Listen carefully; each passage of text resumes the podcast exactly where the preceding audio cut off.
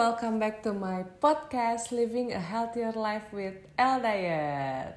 Nah, kita review dulu ya dari bahasan podcast minggu lalu. Uh, itu kan aku kasih tiga saran nih gimana caranya meningkatkan BMR dan turun berat badan.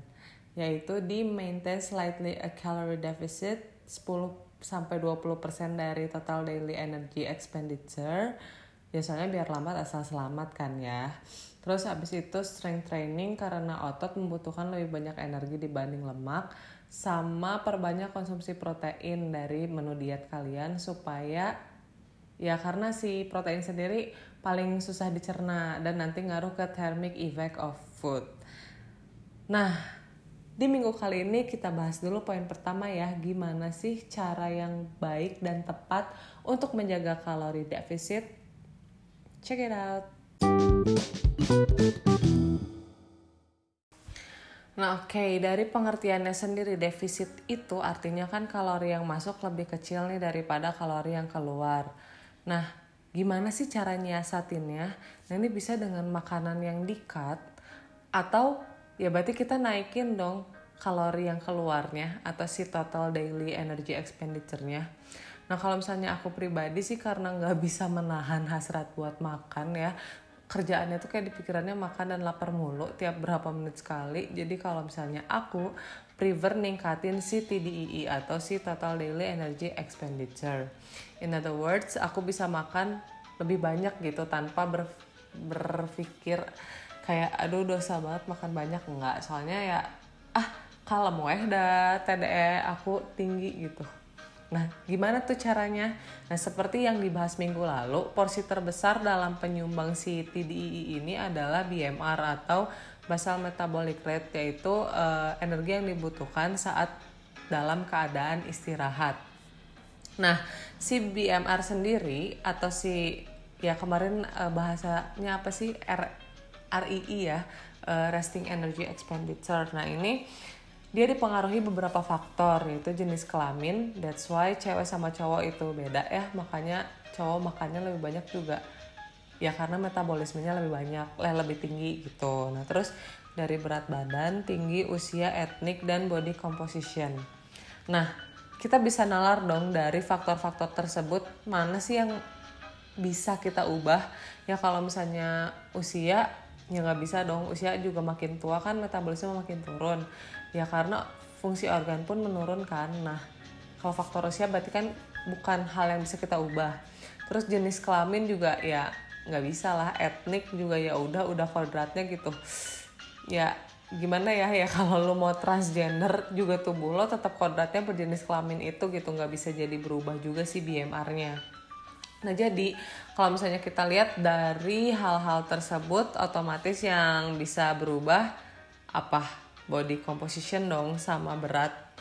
Nah jadi kita bisa siasati dengan apa coba? Yaps, jadi first stepsnya you should lose some weight and increase muscle atau ya pokoknya turun berat badan dan meningkatkan si masa otot karena body composition yang mau kita target. Tapi mungkin bingung ya body composition itu apa. Nah sebenarnya ini body composition tuh mendeskripsikan tubuh kita tuh tersusun dari apa aja sih. Biasanya yang dianalisis itu masa otot sama masa lemak dan perubahan persentase lemak. Mungkin kalian pernah dengar kalau tubuh tuh terdiri dari masa lemak dan masa yang bebas lemak atau fat free mass.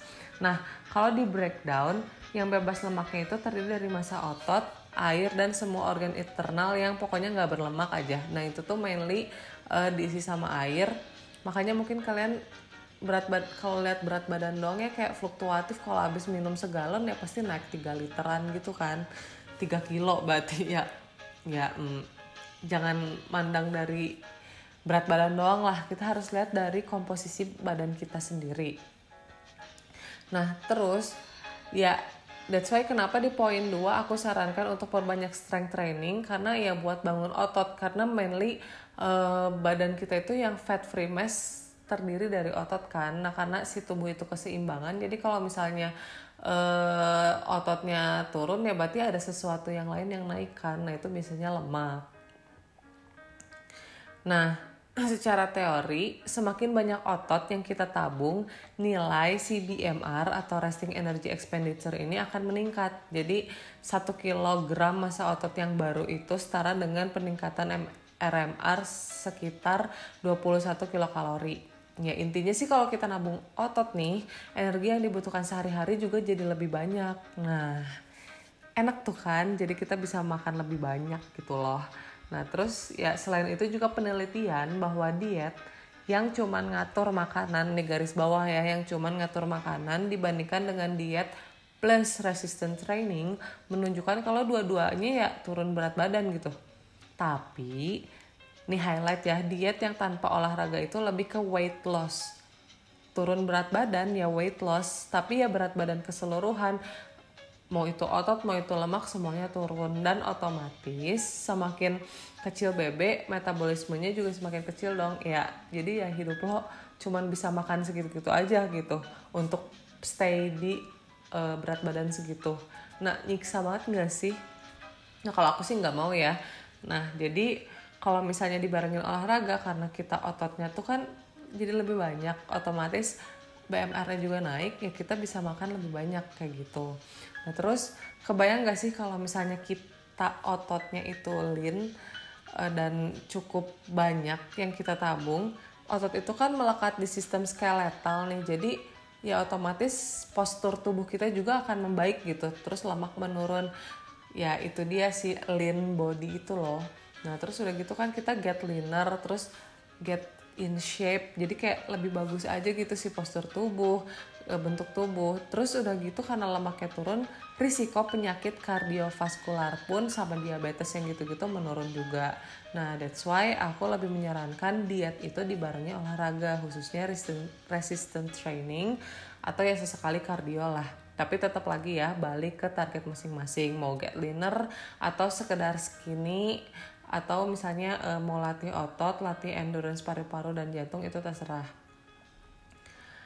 Nah, oke okay deh bahas fat loss dan weight loss mulu nih. Sebenarnya pasti ada kan di antara kalian yang cuman pengen uh, body recomposition atau cuman pengen get leaner sama uh, pengen justru pengen bulking dari yang kurus banget misalnya kayak gitu. Ya itu si simple ini sih. Kayak kalian ya cuman balikin aja kata-kata aku berarti makannya lebih banyak. Kalau misalnya memang kalian pengen bulking. Nanti aku bahas lagi di episode tertentu intinya kayak gitu. Nah jadi kalau misalnya kalau mau maintenance ya udah kalian tinggal uh, apa jaga kalori di uh, jumlah yang kalian butuhkan sehari-hari. Jadi seimbang lah antara in dan out. Tapi banyakin protein sama resistant training supaya ototnya kebentuk kayak gitu. Jadi si masa otot akan menggantikan masa lemak. Karena ingat si tubuh itu sistem keseimbangan. Nah jadi ya itu pilihan kalian lagi sih. Kayak mau kalian tuh sehat dengan bonus lean dan bentuk badan ideal atau secara timbangan ideal kalian weight loss. Kalian turun berat badan BMI-nya ideal tapi penuh gelambir. Nah itu terserah kalian ya. It's your choice. Jadi ya ya terserah lah kalian mau pilih yang mana. Aku nggak memaksa. Cuman memang menyarankan ya kenapa enggak sih kalau kita bisa lebih sehat ya kenapa nggak get leaner aja gitu supaya ya bentuk badannya bagus terus udah gitu juga lebih sehat lemaknya eh, nggak uh, ya lemaknya dalam porsi normalnya nah kayak gitu Oke deh segitu dulu yang dibahas hari ini. See you nanti kita bahas di minggu depan tentang thermic effect of food. Yaudah, jangan lupa ya tag L Diet dan at L Soraya di setiap movement hidup sehat kalian. Oke deh, see you guys.